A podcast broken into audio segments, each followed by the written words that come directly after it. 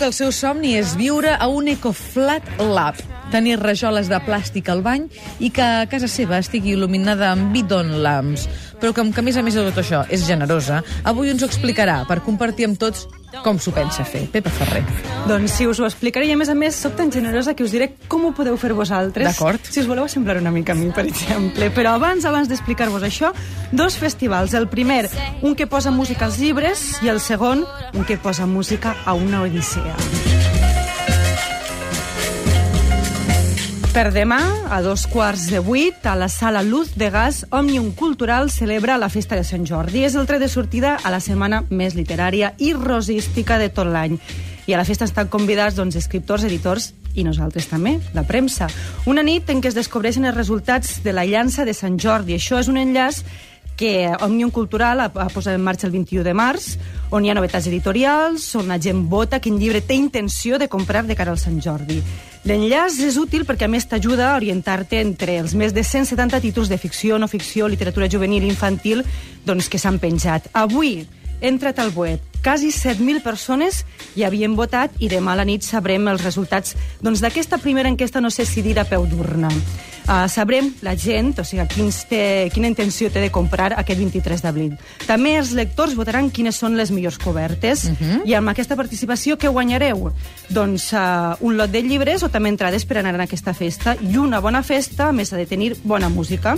En aquest cas la de Guillemino, acompanyat del poeta Josep Pedrals i també del pop dels Quart Primera. A través del web d'Òmnium Cultural podeu participar en la iniciativa La Llança, una llança simbòlica amb la qual heu d'assenyalar quin és el llibre que penseu comprar aquest Sant Jordi. Dilluns, la festa de Sant Jordi, a la sala Luz de Gas ens descobrirà els resultats d'aquests primers sondejos amanits amb la música, com deia la Pepa, de Guillemino i els quart primera. El Centre d'Oftalmologia Barraquer t'ofereix aquest espai. I per llibres i cobertes de llibres que són una joia, l'Art Santa Mònica en té uns quants.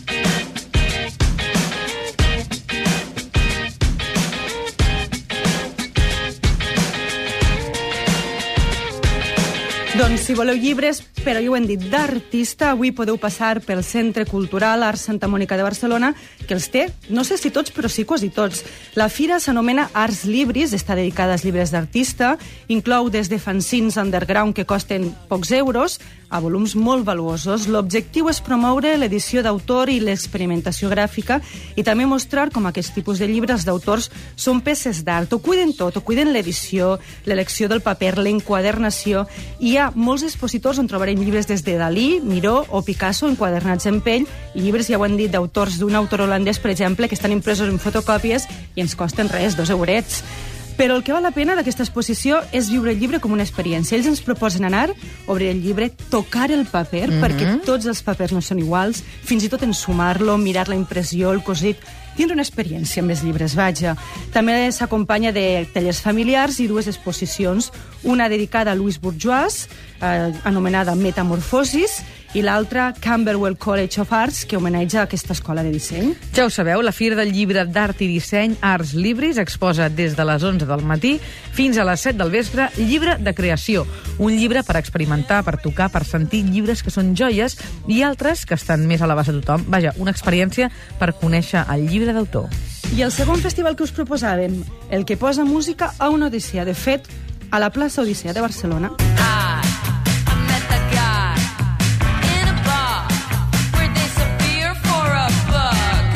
Dijous 28, divendres 29 i dissabte 30 d'abril són els dies en què tornarà a aterrar a Barcelona el Festival Plaça Odissea.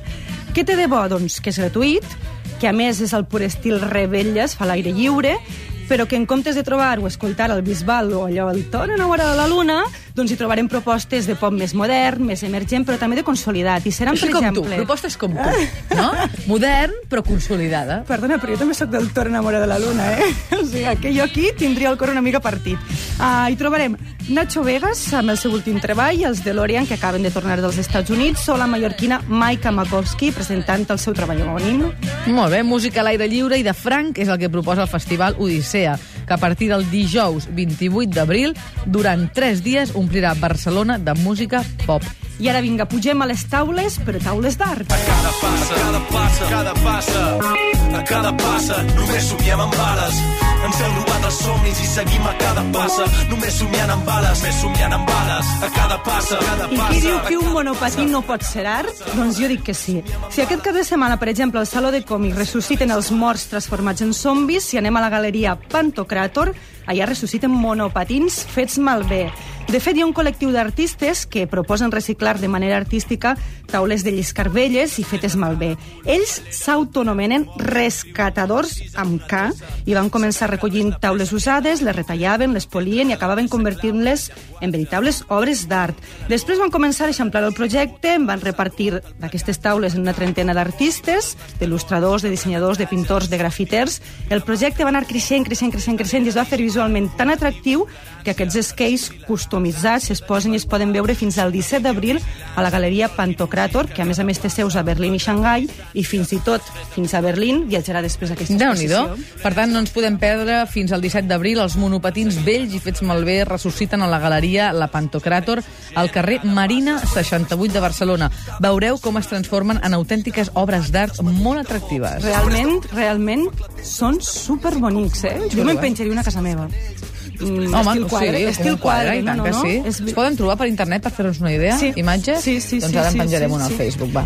I per art, el que proposa un web, ja us he dit, comprar un pis, fer el trasllat, aconseguir tot el mobiliari i tot amb respecte al medi ambient. Un web que ofereix un manual ben complet de dissenys ecoguais.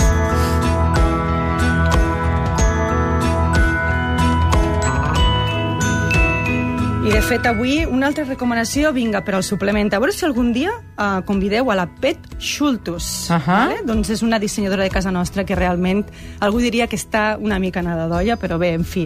Ella i Sergio Carratalà han presentat un projecte, i és un projecte que ja té temps, que s'anomena Les 5 R's. De fet, va començar amb 3 R's, però pel camí se li han ajuntat dues R's més.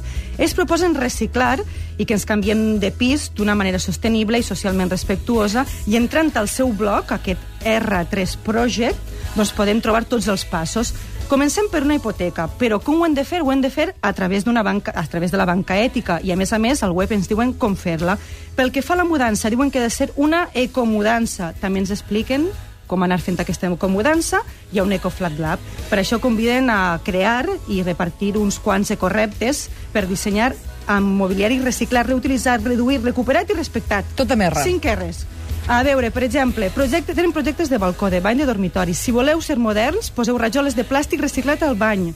Com ho feu? Entreu al web que us expliquen com fer-les.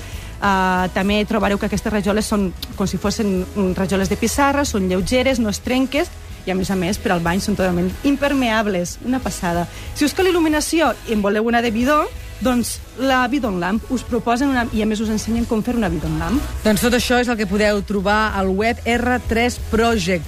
Hi ha tot un manual detallat perquè sigueu els més eco-guais. No més guai que tu, per això, eh, Pepa? Igual.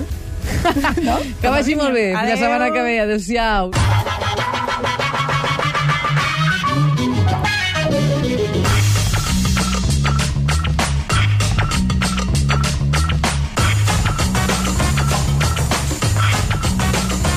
Xavi, tenim propostes 3C interessants, com sempre, suposo.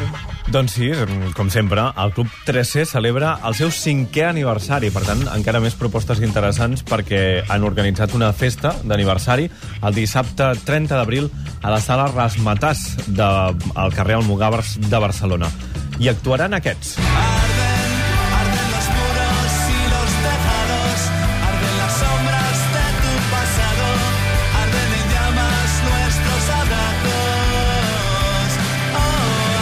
El grup Sidoní, a més de Mendez, Murcila i El Dia de la Barbota.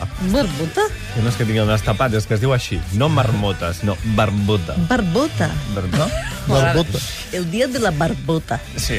Aquest concert serà gratuït i obert a tothom per celebrar els 5 anys del Club 13. Això sí, heu de reservar les entrades a través del web 5anys.cat.